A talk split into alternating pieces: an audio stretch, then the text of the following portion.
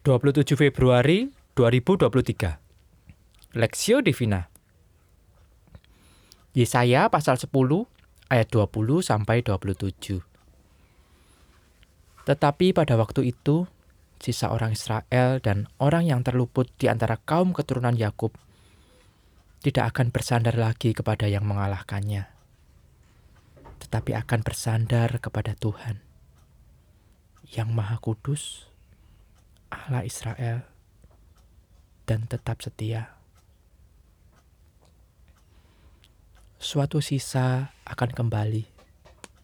Sisa Yakub akan bertobat di hadapan Allah yang perkasa. Sebab sekalipun bangsamu, hai Israel, seperti pasir di laut banyaknya. Namun, hanya sisanya akan kembali Tuhan telah memastikan datangnya kebinasaan, dan dari situ timbul keadilan yang meluap-luap. Sungguh, kebinasaan yang sudah pasti akan dilaksanakan di atas seluruh bumi oleh Tuhan, Tuhan semesta alam.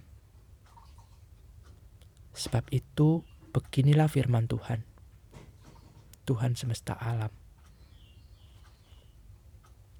Hai umatku yang diam di Sion, janganlah takut kepada Asyur. Apabila mereka memukul engkau dengan gada dan menghantam engkau dengan tongkatnya, seperti yang dilakukan Mesir dahulu. Sebab sedikit waktu lagi amarahku atasmu akan berakhir, dan murkaku akan menyebabkan kehancuran mereka Tuhan semesta alam akan mencambuk mereka dengan cemeti. Seperti ia menghajar Median di gunung batu Oreb dan mengayunkan tongkatnya ke atas laut Teberau dan mengangkatnya seperti di Mesir dahulu.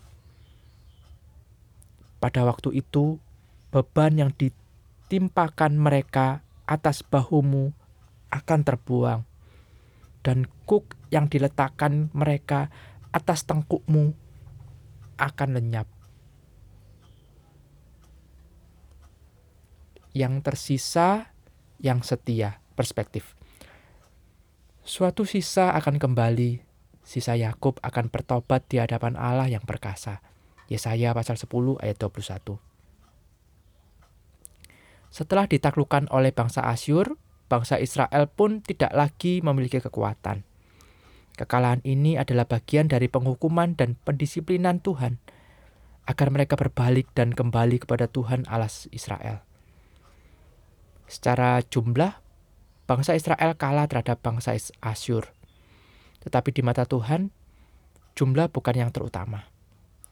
Yesaya pasal 10 ayat 21 berkata, suatu sisa akan kembali. Sisa Yakub akan bertobat di hadapan Allah yang perkasa. Kata sisa ini tidak menyebutkan berapa persen dari keseluruhan umat Israel, tapi bisa disimpulkan bahwa itu hanya sebagian kecil yang tersisa dari keseluruhan umat Israel. Mereka adalah orang-orang yang selamat dari penindasan dan kekejaman bangsa Asyur. Sisa di sini mencakup mereka yang menerima penghukuman sekaligus sekaligus juga anugerah Tuhan. Penghukuman dan pendisiplinan dari Allah yang membuat mereka kembali dan setia hanya kepada Allah saja. Penghukuman dan pendisiplinan dari Allah ini mirip dengan apa yang dikatakan Rasul Paulus. Serupa tanah liat di tangan penjunan, begitulah umat Tuhan di tangan Allah. Pada saat Allah menghukum, dia sedang membentuk dan menjadikan sebuah benda yang indah dan berguna. Allah adalah Allah ada kalanya menghukum dan mendisiplin kita, umat Tuhan, agar kita mau berbalik kepadanya. Mungkin kita telah tinggi hati dan sombong, sehingga Tuhan menyatakan pendisiplinannya untuk menyadarkan kita bahwa segala sesuatu datangnya dari Tuhan. Tujuannya adalah kita memiliki hati yang taat dan lembut, serta mendengarkan suaranya dan menaatinya. Kunci untuk melewati pendisiplinan dari Allah adalah iman kepada Allah. Dengan iman, kita dapat meyakini bahwa Allah turut bekerja di dalam segala sesuatu untuk mendatangkan kebaikan bagi kita. Yang mengasihi dia dan dikasihinya. Roma pasal 8 ayat 28. Kebaikan yang dimaksud di sini adalah menghasilkan pribadi yang setia selamanya kepadanya dan mengalami keserupaan dengan Kristus. Roma pasal 8 ayat 29 sampai 30. Dengan beriman kepada Allah, kita dapat bertekun dan meyakini akhir dari pendisiplinannya adalah memancarkan kemuliaan Tuhan. Studi pribadi, apa yang menjadi tujuan Allah mendisiplin umatnya yang dikasihinya?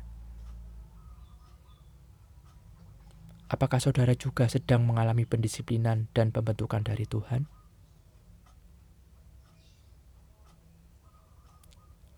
Pokok doa, berdoalah bagi jemaat, bagi setiap jemaat Tuhan, agar dalam menghadapi pembentukan Tuhan dalam hidup ini, tetap setia dan beriman kepada Tuhan.